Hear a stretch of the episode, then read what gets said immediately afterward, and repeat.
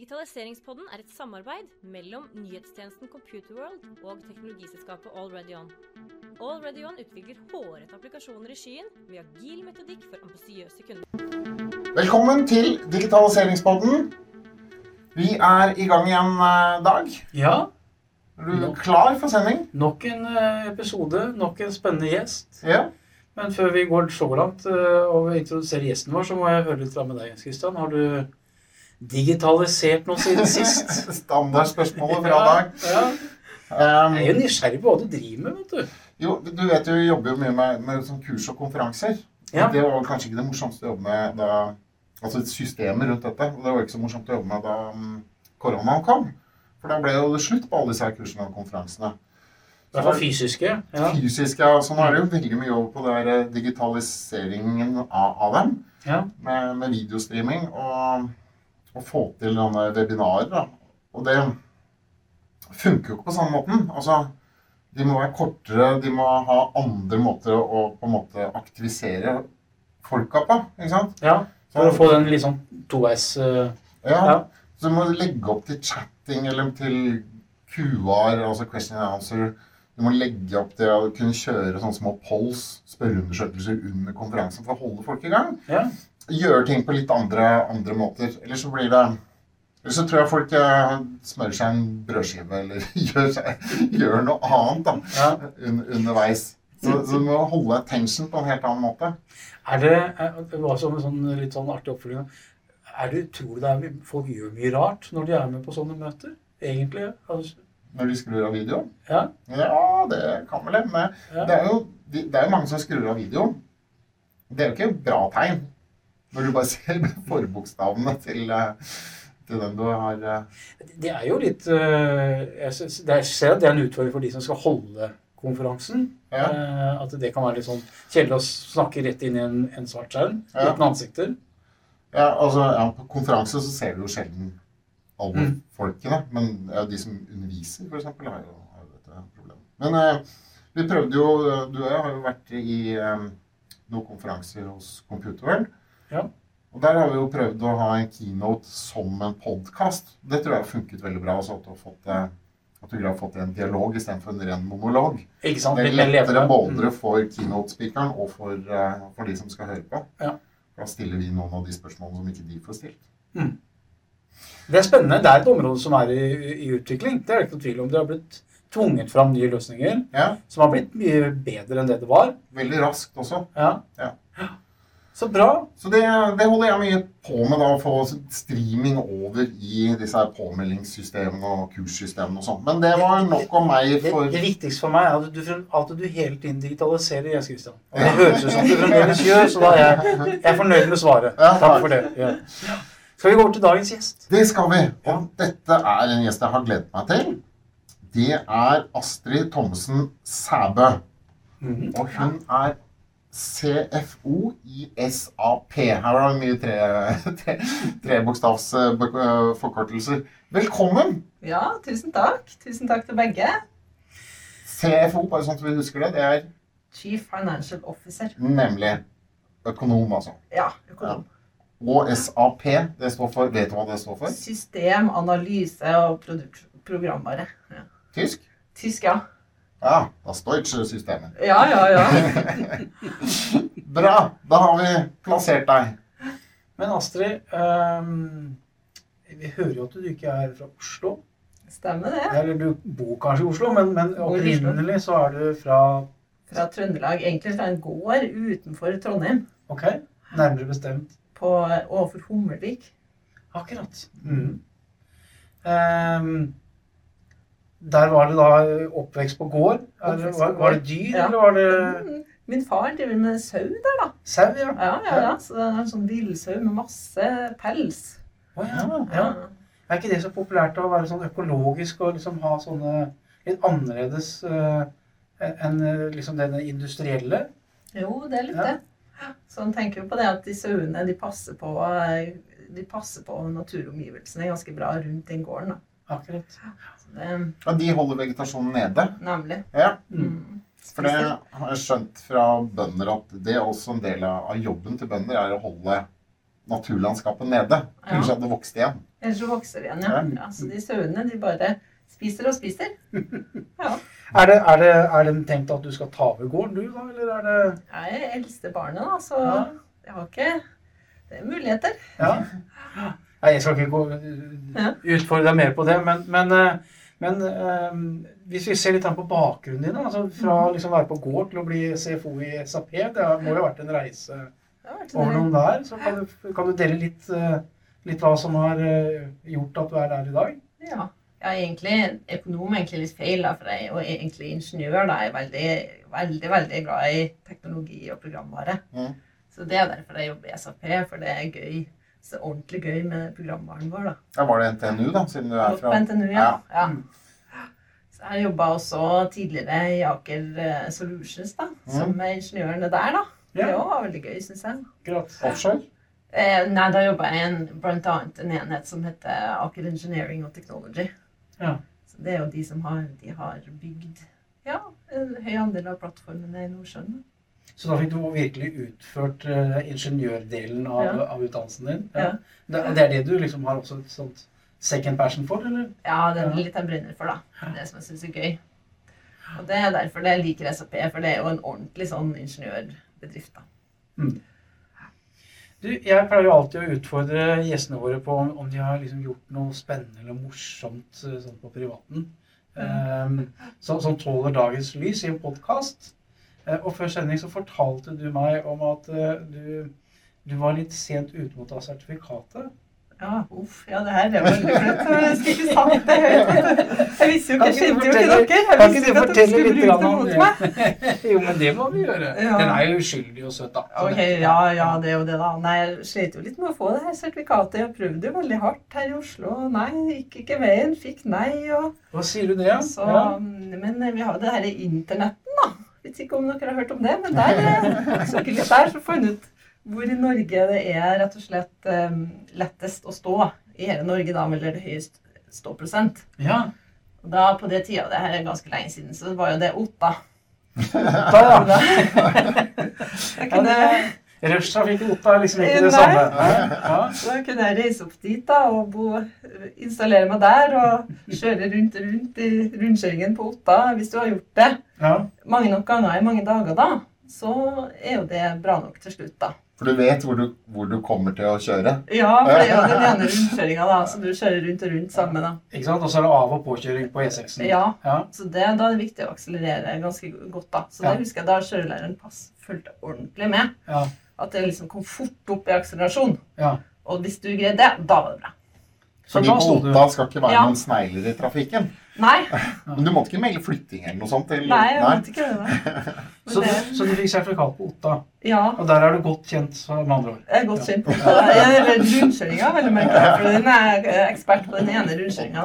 Det var jo smart, da. Ja, men liksom, mannen min, det er jo han, hver, Vi kjører til fjells, da, så hver gang vi kjører forbi Otta, så roper han ut 'Astrid, her kan du kjøre òg!' Så jeg holdt på i 15 år, så det begynner å le og Hørt den noen år, da. Så, ja. Du kjører opp. Nei, den er litt artig. da. Ja, ja. Takk for at du delte den. Jeg skjønner at det var litt, eh, litt uh, innenfor privatens svar, men det var morsomt. Det er en fantastisk historie. Ja, ja, ja. Det viser hvor smart og agil eh, Ja, ja, ja. man kan være. Får du ikke til ett sted, så, så bare fortsetter du å danse. Det er veldig bra. Men du jobber jo i SAP. Det er jo et spennende og stort selskap. ja. Fortell litt om, om SAP. Nei, SAP er jo intelligent, The Intelligent Enterprise. Ja. er jo hovedstrategien vår. Mm. Og det går jo på at vi har nå en lang historie. da. Vi ble jo starta på starten av 70-tallet, 72 vel, Mm. med ikke sant, programvare og dat datastrukturer også for å håndtere de viktige kjerneprosessene i bedriften. HR, finans og supply chain og kommersielle og Logistikk Ja. og produksjonsstyre og Ja. Ja. Så har jo den kompetansen blitt videreutvikla i de årene. og Mm. eh, er ganske spennende. Det, altså, det er ordentlig interessant kompetanse, da. Ja. Som kanskje ikke sant, At det norske markedet skal få formidla den kompetansen, det syns jeg er gøy. Men det er mest mot Enterprise-markedet, altså store bedrifter, Ja, vi som har, dere går? Eller er det, har dere mindre òg?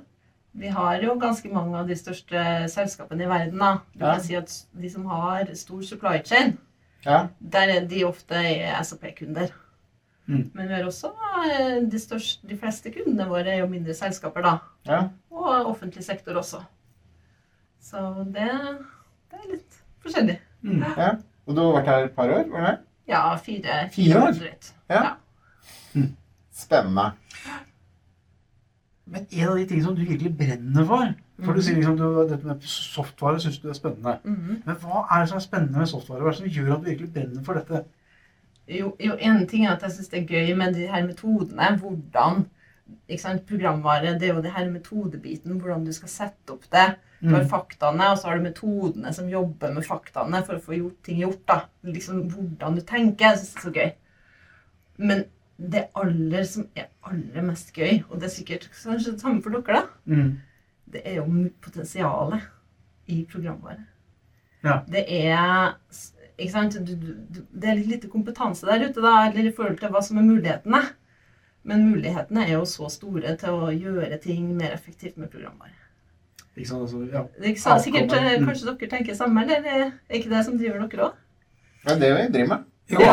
absolutt. Det er, jo, det er jo som du sier, sånn, hvordan kan vi hjelpe våre kunder til å eh, være bedre der ute for sine kunder igjen? ikke sant? Ja. Mm. Og gjøre en forskjell. Men det er jo da spesielt eh, et av temaene vi skal snakke om i dag, som er Mm. liksom virkelig det du brenner for for tiden. Ja. Det er dette med, med, med grønn software. ja. Kan vi kalle, kan vi kalle det det? Grønn Ja. software? Det syns jeg. Ja. Hva er det? Jo, grønn software det, altså det, er jo, det handler jo om, i hvert fall for oss, da, så har jo vi programvare knyttet til mye målingene i bedriftene. Ja. Og følge opp de små hendelsene i, de, i disse vertikalene som vi snakka om. Mm. KPI-måling? KPI-målinger mye da, og, og enkelttransaksjoner. Og så er det at Key liksom. Performance Indicator. I Ja. tilfelle noen var i minste tvil på hva KPI var. ja. Og så er det jo litt sånn at de, liksom sant, de kopiene kanskje Vi kan være ærlige og si at noe av det som, som vi har håndtert, har vært litt smalt. da. Ja. Og gått på profittmålinger Mm. hovedsakelig. Mm. Altså de her CFO-ene de har målet, målt profitt og finansielle parametere. Og så ser vi nå at det er jo gode muligheter for å måle et større spekter av KPI-er. Altså mer enn bare profitt, da. Og da er vi over på det her som heter ESG. Eh, Environment, Society og Corporate Governance og CSR Corporate Social Responsibility. Veldig masse sånne forkortelser og fine navn, altså. Ja. Men, men hvorfor er, er Hva som gjør meg eh, at jeg har sånn person for det, er jo at jeg, jeg tror det blir viktig framover for alle bedrifter i forhold til sin interessentoppfølging Mm. at du har målt bedre, en større påvirkning enn den finansielle. Men, Mer men før vi går dypt inn her, for det Ja. synes jeg vi skal snakke litt om. Ja. Men Kan ikke du bare forklare litt nærmere hva ESG er? Du sa jo hva det betydde på engelsk, men Ja. hva, hva er det du egentlig legger i det? Og er det det som tok over etter CSR? ja, det er litt det samme, men ikke sant? det er jo mange sånne buzzwords, da. Ja. og diverse reguleringer, og ikke sant, det blir, kan ofte oppfattes som litt oversiktlig og, og holde styr på alt. Og til og med, jeg også syns jo det, selv om jeg er veldig interessert. Mm. Men hvis du skal forklare det enkelt, da Men det er et fagområdet innenfor Ja. litt softere verdier da, i, i selskapet? Nei, det er egentlig Jeg syns ikke det er soft, jeg syns det er motsatt. Men det er all, all påvirkning da, som ikke er finansiell. Den øvrige påvirkningen. Ja. Mm. Og det er mot menneskene. Ikke sant? Enkeltpersoner, society. Mm. Og, og, og ikke bare enkeltmennesker som deg og meg, og folkegrupper og ulike strukturer. Altså likestilling, f.eks. Mm. Det er én bit av det. Mm. Og så er det jo miljøet, da.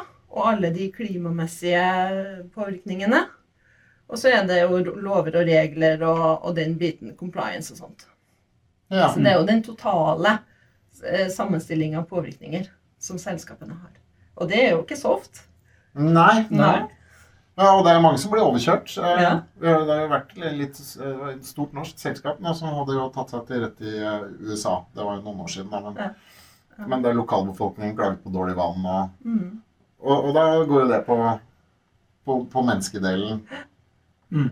eh, der. Og da betyr vel kanskje at de var ikke så opptatt av den der ESG-delen. Og de som fikk de klagene? det blir jo det at hvis du får ordentlige målinger, så er det lettere å ta det med i beslutningsprosessene. Ja. Sånn at du gjør ting med, også med tanke på en større påvirkning. At du måler, og det, er der kan, er det veldig store muligheter for å bruke programvare. Altså for å få, få tallene, tallenes klare tale. da. ja. Hvordan påvirker det her menneskene som er involvert? Hvordan påvirker det miljøet? Nå har vi jo ganske mye kul ny programvare for å ha tall på CO2-utslipp. Mm. Og det er et sånt litt kult eksempel, da. Mm. Som, eh, som vi har fått god oppmerksomhet på. ja Hvordan måler man CO2-utslipp? da? Det høres jo Det er Det er jo bare noe gass. Altså. I hvert fall for oss vanlige dødelige så er jo CO2 mer enn gass. Ja, hvordan måler man det? Er det ja. Nei, det er jo det her at du må ha? Hvis vi alle skal begynne, så er det jo veldig avgjørende moment med å ha standardene klare. mm. Fordi når vi måler finanstallene, så er det jo IFRS, da har vi standardene. Mm. Så vi trenger jo å få standardene på miljømålingene òg. Og vi, det tror vi at de kommer, kommer jo. Og når man har standardene, liksom en oppskrift, da, sånn og sånn, så eh, setter du Legger du Hvis jeg skal lov å være litt teknisk, da. Mm. Dere liker jo det sikkert. Ja, ja, ja. Ikke sant? Databasen vår, det er en sånn HANA-databasen, da, det er en lang streng med fakta side etter hverandre. Mm. Så kan du jo legge til flere elementer, og et element, en, liksom en ting du måler, er jo da CO2-verdi. Og så vil du da i prosessene, i de forretningsprosessene som du styrer med vår programvare, så kan du også styre den CO2-verdien i alle stegene av prosessen. Ja. Sånn at det blir på en måte likestilt da, som de finansielle målingene som du gjør. Så det, det er gode muligheter for. Mm. Det er bare å prioritere. Du må prioritere digitalt talent dit, da. Ja. Men men, altså, jeg tenker da det, det er jo et spennende område, men hvor, hvor, hvor langt har vi kommet? Altså, er det noen som gjør dette? Ja. Jeg syns jo det er mange de, de kundene som vi har å snakke med, alle brenner, det er veldig mange som brenner for det her og har ansatt nye mennesker til å holde på med det, gjør målinger, rapporterer fint til sine interessenter. Ja. Så, men akkurat nå så opplever jeg det som litt fragmentert med tanke på standardisering og likebehandling av informasjonen. da. Ja, fordi som du sa, øh, som en parallell, øh, vi har gjerne har jo da et regnskap, Mm. og det er veldig klart med tale, med, med, med, med alt øh, strukturen som innebærer der. Um, mener du at vi havner et, på et eller annet sted i fremtiden med et klimaregnskap, øh, typ? At du liksom, i tillegg har du det finanse, og så her har du klimaregnskapet, eller, Ja. eller vil det gå i sammen? Jeg håper at det vil komme, det blir som en tilleggsparameter, da. Ja, så er det jo alle all hendelsene som skjer, da. De har jo en pengeeffekt og en klimaeffekt. mm. Så mål, hver gang noe skjer, da, så måler du begge deler. Det er som det vi drømmer om. Vi har vårt eget klimaregnskap, da, som vi lager selv. Men jeg Ja. tror veldig mange bedrifter, i hvert fall i sånn enterprise-størrelsen, har uh, klima eller uh, ESG som et eget kapittel i årsrapporten sin. ja, ja, det kommer veldig Det har du helt rett i. Ja. Mm. Så det er vel ikke noe som blir oversett. Og jeg ser også at større selskaper har jo ofte en egen direktør i, i toppledelsen, ledergruppa, som, som har det ansvaret. Ikke sant? Mm. Som en miljødirektør eller ESG Nemlig. Ja. Og det er det som er kult, for da er det for, eh, mennesker nå føler jeg det er et sted, sted hvor man har eh, allokert eh, ressurser til å ha, ta tak i problemstillingen. Mm. Og da er jo det spennende momentet hvordan kan man bruke programvare til å bidra. Til å, fordi det snakka vi litt om før, før praten vår. Liksom, programvare er veldig bra for å sikre compliance. da. ja. Fordi at den følger reglene. Det er bygd inn i hvordan programvaren fungerer. Så den stopper det som ikke er etter regelverket. Så da er nettopp det du sa, da. Da er vi nå i en posisjon til at vi kan begynne å bruke programvare til det her. ja. Mm. Sånn at det blir mer effektivt. Og, I Istedenfor for bare at man har statlige eller EU-regler som, som styrer, så har du prosedyrer internt som blir styrt av programmene. Eller, du kan bruke programvaren til å holde kontroll på det. Ja. er jo det og det dit vi bør komme, da. Ja. Og mm, Men hvordan ser det ut for en vanlig skal vi si, arbeider i, i eh, en bedrift? ja. Skal de rapportere inn noe daglig, omtrent som timeregnskapet sitt? Nei, jeg Eller- tror det bør være eh, Det er jo sant? Det er noen mennesker som må være ansatt til å holde, holde system of record. Ja. Så det, vi har den programvaren som vi har sluppet sist, da, i mm. det her sånn Climate 21, som SAP holder på hele tida å utvikle nye ting på. Ja. Og det siste som kom, er jo da en, en sånn analytics-løsning Mm. som ligger på topp. Det er sant, Du har eh, transaksjonssystemet under, og så har du Analytics oppå, som henter fra transaksjonssystemet. Og i Analytics-laget så må du da ha mennesker som følger med i de ulike stegene i prosessen. At du har, at du har med den miljøkomponenten. Sånn at det, det blir målt detaljert nok. Så du trenger folk til å følge opp. Ja. Men, men eh, jeg, jeg, bare for å henge meg litt på det du sier, liksom. så Vi ser jo det at det er flere store elpleieselskaper som har da eh, egne ressurser på dette området. Ja. Men så lenge det ikke er en standard som alle kan følge, Ja. så er det kanskje litt vanskelig å fullføre den oppgaven helt ut. Eh, for man gjør det litt sånn etter eget beste, be, altså beste viten, da. Ja. Um, finnes det, altså Jobbes det noe på tvers i EU eller annet, andre steder for å, for å standardisere dette? Vet du om det er noen initiativer rundt dette? Det er ganske mye som foregår på regulatorisk side. Det, jeg følger ikke så mye med på det, da, for jeg følger med heller på programvaren, som Ja. jeg brenner for. da. Ja. Men det er det jo det er veldig viktig, som du sier, da. Mm. Mm. ja for ellers så blir det liksom eh, Man skyter i alle retninger, i avhengig av Ja. hvilket selskap man sitter i. Man gjør etter beste evne Ja. eh, et klimaavtrykk eller klimaregnskap, da, Ja. eh, mangel på noe bedre ord, så, så vil det liksom ikke være lett å sammenligne epler og epler mellom Nei. selskapene. Nei, det er akkurat det. Mm. Det er det som er kjempeviktig, da, å gjøre det på samme måte. Ikke sant? Så hvis du da får det regulatorisk på plass, og mm. software som kan støtte Nemlig. det. så kan du begynne å standardisere. Ja. Akkurat det. Så, så vi er på vei dit. Ja, det tror jeg. Ja. Og når vi kommer dit, Ja. da begynner jeg å lure litt, for da begynner vi å, å gå litt inn på dette her med um, ja, men Hva slags data skal vi hente ut her, da? Altså, Hvilke data uh, er avgjørende for å kunne si noe om et selskaps klimaavtrykk? Mhm. Mhm. Har du gjort noen tanker rundt det? Ja, da, det Altså, hva slags, Hvilke type data? Hvor skal vi hente disse dataene? Ja. Men vi har jo det vi har eksempel på, vi, er jo det her CO2, rett og slett. Utslipp av CO2 i, i en produksjonsprosess. Ja. Så det er sånn egen kalkulering av når du er, er Hva har du fra råvarene, hva har du fra waste? Så, så det, men det er jo mer For å være ærlig, syns jeg, da, litt mer enn et eksempel òg. Mm. For at mulighetsrommet er så stort, da. Ja. Og akkurat som du sier, hva skal du måle? Det er jo det, det er poenget. Og Ja. det er for det aller mest interessante, syns jeg. Hvilke kopier er viktige for hver og en bedrift, da. Ikke sant? Og, mm. um, og en ting er jo ditt eget klimaavtrykk. Eh, og så er det kanskje hva, hva slags klimaavtrykk du hjelper andre å få også. Altså, det, Skal det være i samme regnskap, eller er det to vidt forskjellige Nemlig. ting? Altså, Mhm. Nei, vi har jo I den modellen vi har nå, så er det jo med en sånn komponent med inbound materials, f.eks. Ja. Ja, Hva så ligger det i da, Inbound, det når du har produsere, så har du kjøpt eh, materialer som du skal bruke. Ja, riktig. Ja. Da Råmateriale er til produksjon. Ja, så Mm. da må du ha et estimat der. Og hvis du får en Ikke sant. Det er veldig store muligheter med en sånn større nettverksøkonomi da, for å dele informasjon i, i business networks. Mm. Så, så du, det beste er jo hvis de du bruker, har eh, gode data, demma på sin påvirkning. Mm. Mm. Eh, det er klart du Så det er jo um...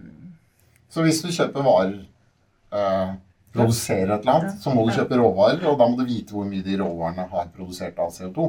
Ja, så ideelt sett så kunne du skanne det, da. Ja. Ikke sant? Ta QR-koden og skanne, så får du en sånn miljødata opp. Og så må du kjøre et lite parallellregnskap på det. Så hver gang du kjøper inn et eller annet, så går det også automatisk inn i regnskapet at nå har du Mm. For det hører det til ditt footprint. Det er noe som heter Ja. fotavtrykk, eller sånn green gas footprint. Ja. Og da, da er det det du kjøper, sånn at ikke du får det, eh, samme CO2 blir målt to, i to forskjellige bedrifter samtidig. Ja. Det må jo høre til én bedrift. Mm. Men, Ja. Hvis du tar et eksempel av Nike, eh, Ja, ja. ikke sant? Mhm. som da kjøper inn råmateriale for å kjøpe, bygge sko. Ja. Hvis vi tar skodelen, ja. Mm. Så kjøper du da sikkert en, en hel bråte med, med Pall med gummi. Gummi. Ja, gummi er noe veldig viktig. Ikke sant? Ja. Da må du ha et regnskap på det. Hva, hva, hva er det innebærer når man kjøper det? Mhm. Og så produserer man det på fabrikk. Eh, Og det har jo en eller annen klimapåvirkning. Ja. Og så skal jo disse skoene da fraktes fra fabrikk til butikk. Mhm. Eller er kanskje, kanskje først ja, ikke sant? ja, og Ja. Der er det kanskje flere steg også. Ja. Innenfor forskjellige lagre. Og, ikke sant? og så skal du i butikk. Og så skal du og jeg få lov til å gå og handle det. Enten på nettet eller fysisk i butikk. Og det, altså Hele den kjeden der er jo det er ganske komplisert, vil jeg tro. Å ha kontroll på alle disse dataene gjennom hele. Ja. Men det kan programvare hjelpe til med. Ja. Mm. Det kan ja. men den løsningen som foreligger eh, nå, da Vi har jo det Climate 21-løsningen, så det krever jo litt som at man gjør en litt manuell innsats i, for å få alt til å henge sammen. da. Foreløpig så gjør det det. Du må Ja. ha noe input, akkurat som Mm. du sier, da. Men sånn er det med alle systemer som skal innføres. Altså, Ja. De må jo integreres, og den Ja. integrasjonen er ikke bare teknisk. Du må også få folkene til å, begynne å bruke det. Ja. Hvis du ikke får folk til å begynne å bruke software, så blir det jo bare liggende der. Mm. Uten at det gjør noe. Veldig sant. Ja. Veldig viktig poeng. Men, men ehm, eh, for å være litt sånn ærlig på dette her, da. Ja. Bryr folk seg om dette? Ja. Det Altså, det. altså vi, når jeg, når, vi, vi jobber jo alle i salg, ikke sant, i en eller annen form. Når vi snakker med kundene våre foreløpig Jeg føler ikke at jeg får veldig mye altså det er jo, vi, vi, vi snakker jo om det, men, men jeg får, føler ikke at dette er noe som virkelig påvirker en beslutning. Om du får dealen eller ikke. Om du får en avtale eller ikke. Eller, hvordan, eller, eller er du uenig? Det er det vi begynner, vi begynner å tenke at det kommer en, et skifte, da. Det kommer et skifte. Ja, for vi Ikke sant. Det var jo Jeg hadde jo en elleveårig gutt, da. og Tok med han og kompisene på McDonald's. Ja. Så satte vi oss ned hele gjengen og begynte å Og da De brukte hele det måltidet på å diskutere mengden med avfall og mengden med plastikk. Mm. Og ikke bare det, men de visste hva McDonald's faktisk hadde sagt at de skulle gjøre med det her i framtida. Yes. Så det hadde de fått med seg.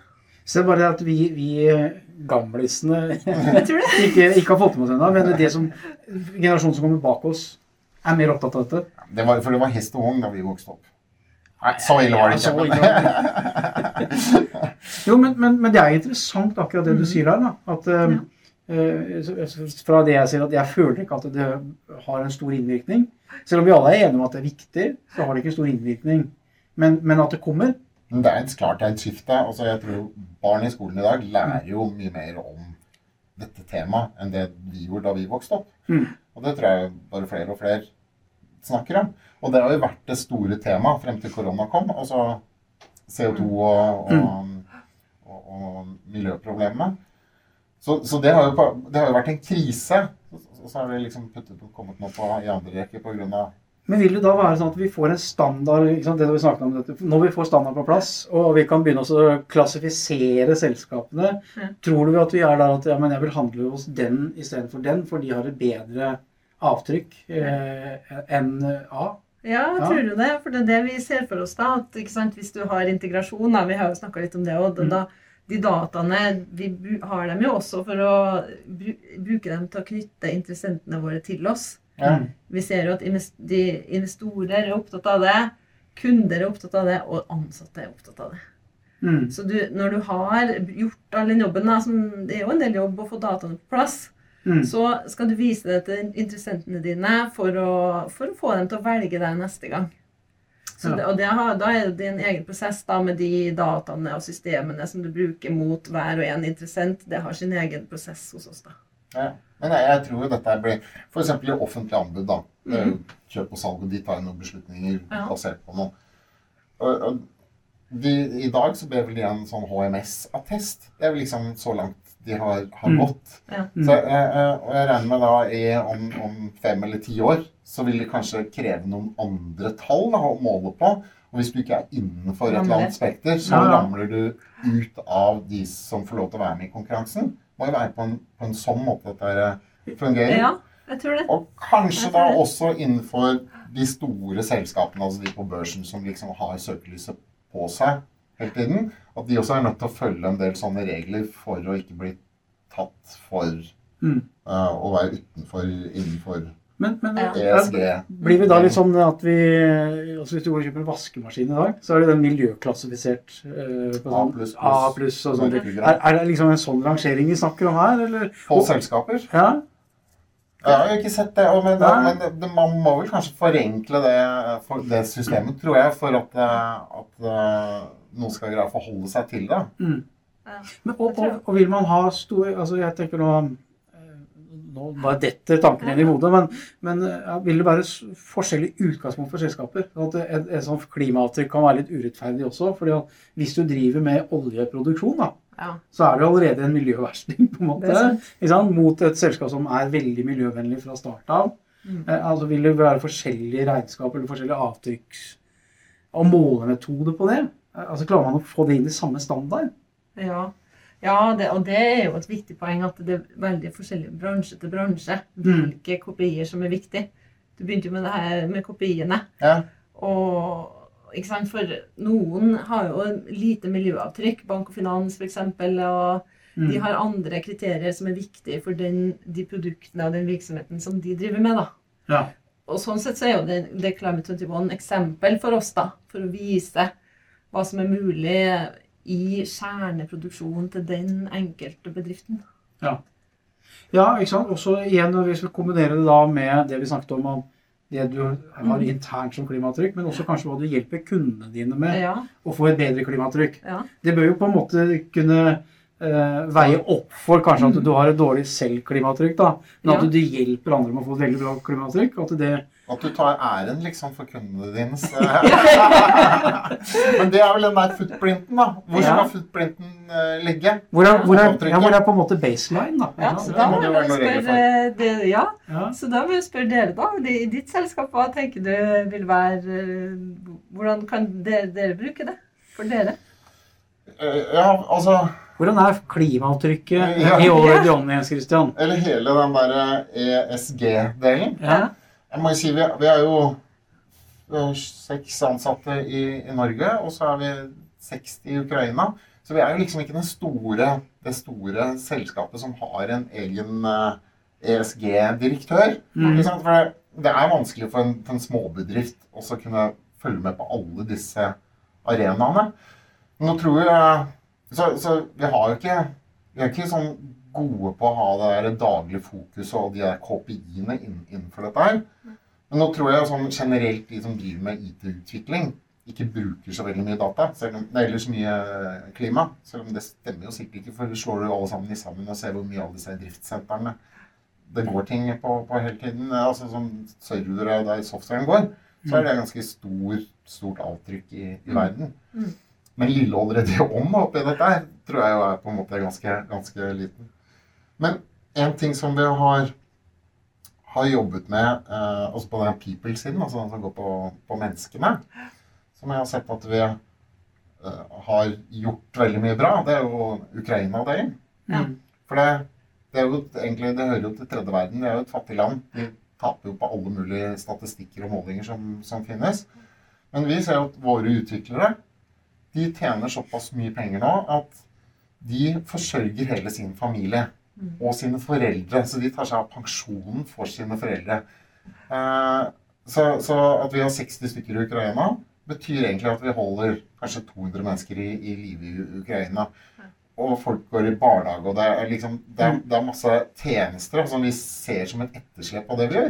Mm. Og det, og det ser jeg på som en sånn positiv um, ESG Mm. mm. Helt klart. ja, som, som vi har. Mm. Eh, men hvor flinke vi har vært på å, å ha dette som, som noe vi har altså Om det har blitt til av seg selv, eller om vi hadde tenkt det fra starten av, det er litt sånn eh, Det er vanskelig å si. Mm. Jeg, vet at vi, Nå tenker vi mye på det, men eh, jeg tror kanskje ikke vi tenkte på det for, for ti år siden eh, så mye.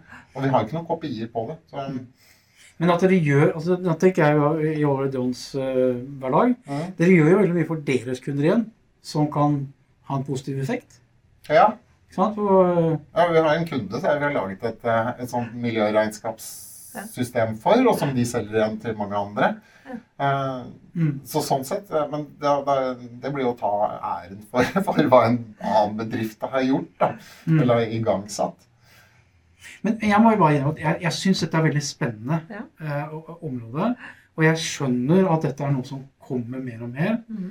Uh, og så er det litt sånn ehm, Kanskje Men det er litt sånn greenfield foreløpig. Ja. Uh, fordi at det ikke alt er på plass enda. Ja. Men det er et morsomt område og spennende område å følge med på og være en del av. Som jeg tror kanskje du og SAP er langt framme på da, i forhold til veldig mange andre. Uh, men, men er dere, er dere liksom er dere med i noen komité? Altså, hva slags arbeid er det dere gjør nå for å få, det, liksom, liksom, få dette fram og, og opp som standard? Den globale CFO-en vår er- jo veldig opptatt av det her. Så han er med i en sånn alliance som skal prøve å få de riktige standardene på plass. Value Balancing Alliance. Ja. Så vi gjør ting, vi, men hoved, vår hovedoppgave er jo å komme med denne programvaren. Og da er det jo hvis jeg skal, Det er jo jeg så kult, jeg vil gjerne snakke mer, da, men no, to felt til som vi ikke har nevnt ennå, er jo det her med, som jeg syns er veldig kult, det er jo sirkulær økonomi. Altså det her med å når du, I produksjonsprosessen så tar du det som ikke har gått inn i det ferdige produktet. Du kan eh, holde styr på det, så kan du selge videre markedsplasser, bruke det, minimere waste. Ja, Så det er en viktig Ja, og gjenvinning, da. Er gjenvinning òg. Ja. Mm. Og så er det på- på det feltet her også, som jeg brenner litt for, som dere sa, da, det, det som går på enda tettere på mennesker. Ja. For du kan lage spørreundersøkelser og samle data som, om menneskene som berøres, Mm. som du syns er viktig, da. Riktig. Ikke sant? Og det er jo sånn som du sa, det er jo Dere hjelper jo de ansatte i Ukraina. Mm. Og det er jo går jo litt på den På menneskedelen. Ja. For det her er det jo også et veldig stort potensial for å samle mer data.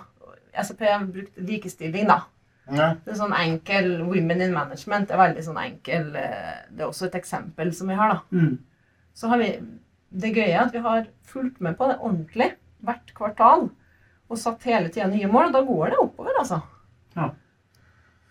Jeg tror vi runde akkurat den der grønn software, for jeg tror, tror vi har fått Ja. uttømt det nå. Um, men det er en ting jeg tenker litt på når jeg ser på dere to står her i, eh, i studio. Du fra SAP og Dag fra Oracle, egentlig. For vi har jo ordentlige jobber i tillegg til poden. I tillegg, ja, ja. Og det, dere er jo liksom de to store gigantene innenfor Enterprise-segmentet på å levere ERP-systemer, produksjonssystemer, logistikksystemer. Så dere er jo liksom de, de tøffeste konkurrentene eh, mot, mot hverandre. Er det litt ubehagelig å stå i samme studio, eller? Nei, jeg syns dette har gått veldig fint. Nei, nei sånn, så, sånn tenker vi ikke. Nei, Det er nei. bare jeg som står Ja, det er kanskje du du ønsker å møre oppunder en Det er mulig å få til en liten fight her. Men et tema som vi har snakket om i digitaliseringspodden tidligere eh, Vi hadde han eh, Manfred fra um, Røde Kors som snakket om, eh, om integrasjon mellom applikasjoner. Og, altså, og hvor viktig det egentlig er. Eh, og det kaller jo dere, for dere har et felles begrep, der dere kaller spagettiskyen. ja. Ja, og det går med på å, å gå i motsatt retning da, av det Manfred snakket om, altså det å integrere applikasjoner.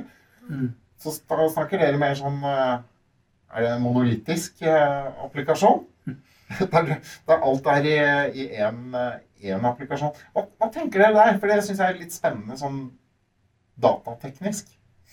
Ja. Vil du begynne? Vil du begynne? Jeg, jeg, ja, okay. Nei, jeg kan godt Altså, jeg tror at um, uavhengig om man, om man uh, kjører um, integrasjonsprosjekter eller om man kjører suitetankegang, Mm. så tror jeg det som er det som For det er de to motsetningene. Hvis, hvis, hvis vi sier ikke sant, altså øh, integrasjonsplattform med med masse forskjellige leverandører i en ende, Ja, eller en suite i den andre. Det er kanskje, hvis vi kan kalle det for polene, da. ja. Um, så tror jeg at uh, uavhengig av det, det som ligger til grunn i dag for å drive butikk, det er å kunne eksekvere på realtime-data i butikken din. Ja. Om du er CFO og skal styre uh, tall og så videre, du må ha realtime-data, eller i hvert fall near realtime-data. Uh, Du må uh, på salg og markedsføring så må du kunne ha realtime-data. På service må du kunne ha, Og, så må disse pilarene begynne å og, supply chain masse disse pilarene må også kunne snakke sammen. Fordi at det som skjer på service, er avhengig av det som skjer på marked, og hva som skjer på supply osv. Så, videre, så det å få kobla data sammen ja. for å best mulig kunne eksekvere på det, Det er det som er målet i dag. Og det er allerede gjort i en suite?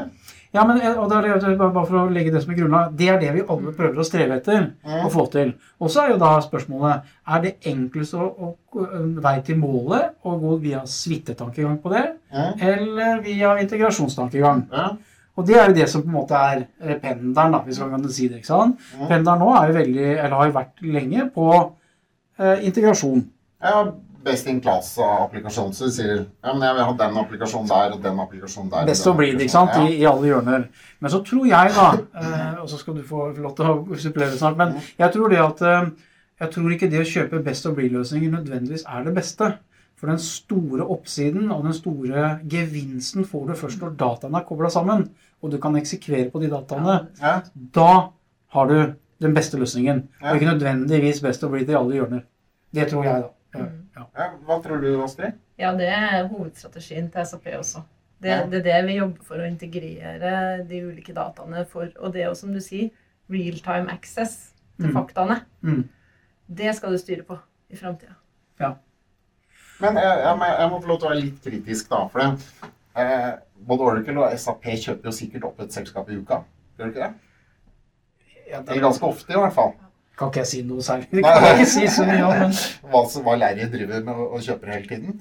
Men, men når det kjøpes inn en ny applikasjon, blir da den integrert, sånn at, at hvem som helst skal begynne å få de til å funke sammen med en gang? Eller er det Blir den putta inn i en suite? Eller tar det noen Blir det gjort? Eller blir det ikke gjort? Jeg skal ikke svare på, på svare på hva, som, hva som gjøres i hvert enkelt tilfelle, men, men tanken på, på en suitetankegang, da, om det er SAP eller Oracle eller Ja. andre, så er det det at disse skal kunne være på samme teknologiplattform eller teknisk plattform, Ja. og kunne snakke på samme språk, og så kan du enkelt eh, dele data mellom.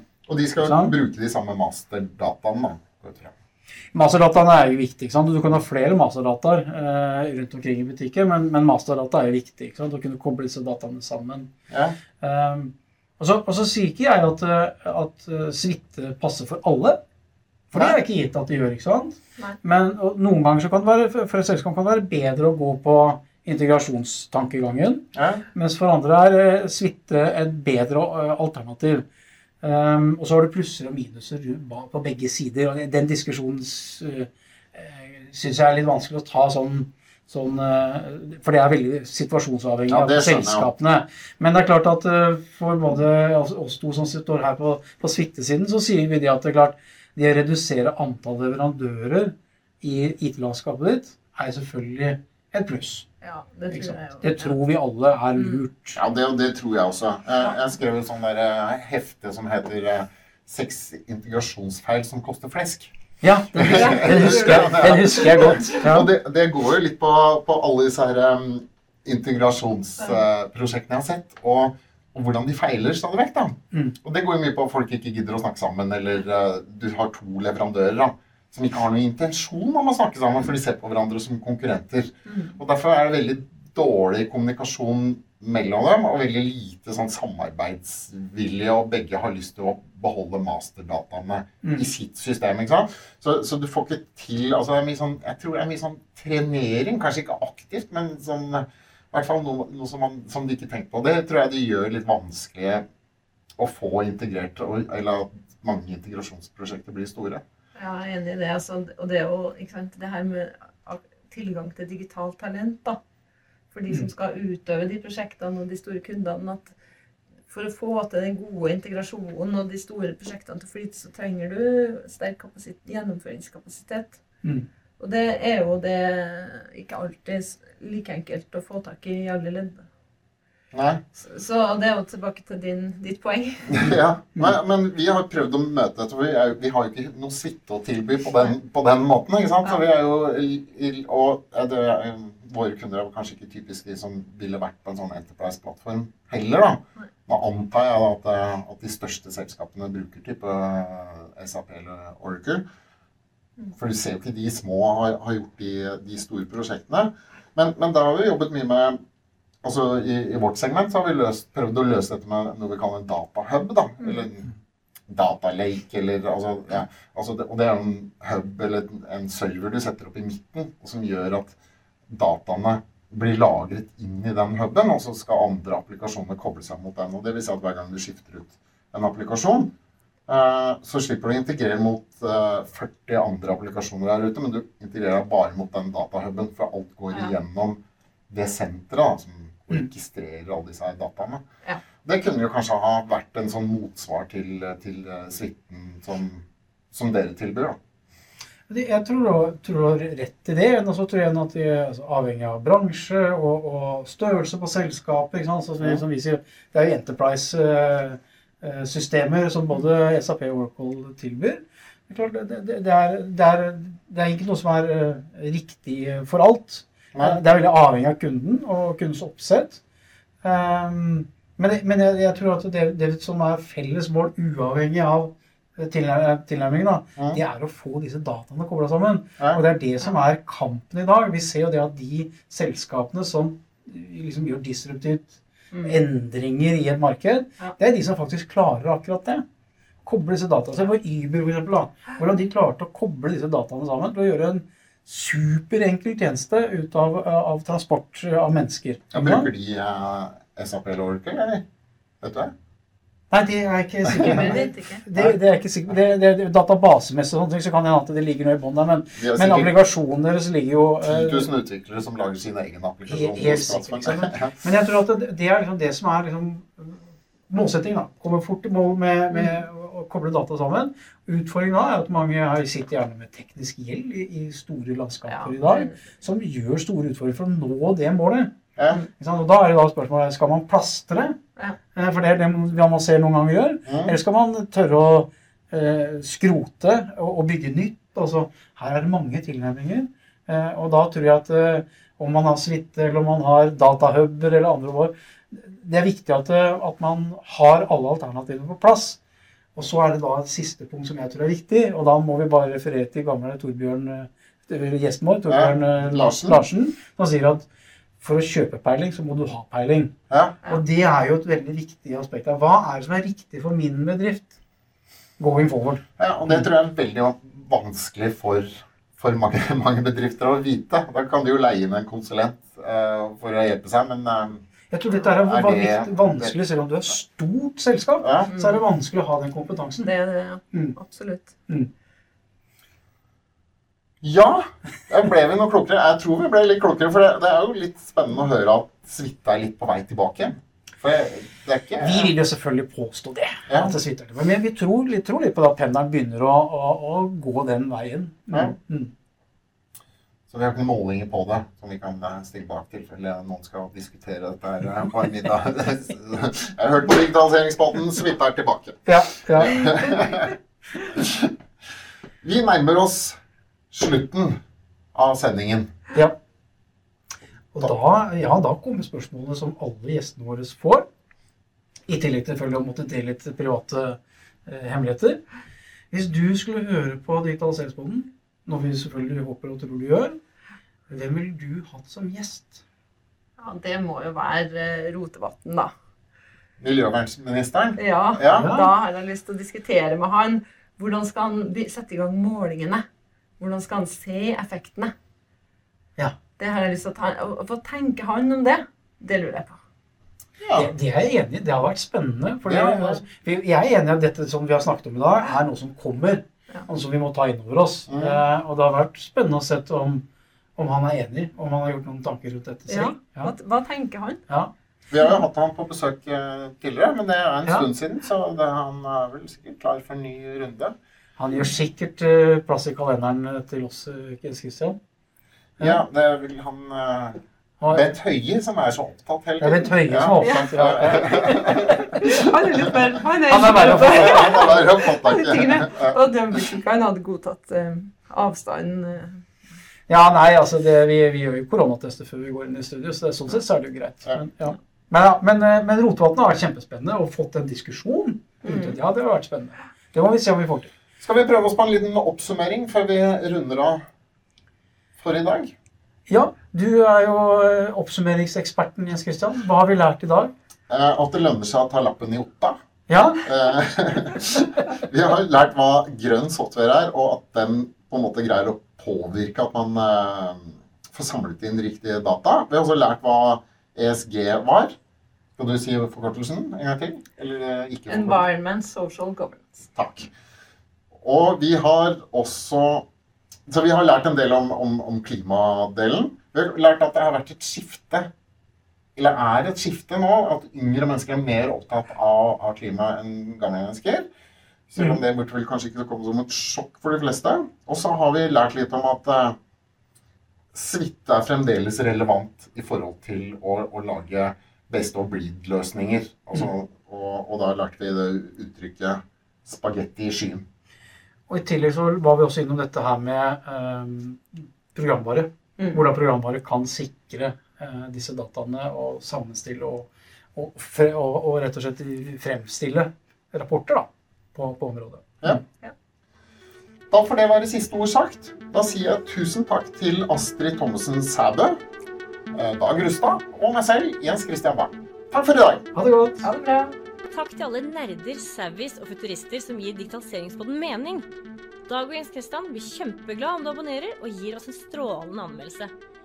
Vil du lære mer om digitalisering, kan du laste ned digitaliseringsguiden fra allreadyon.com slash digitalisering. Til vi høres igjen, ha en fantastisk uke.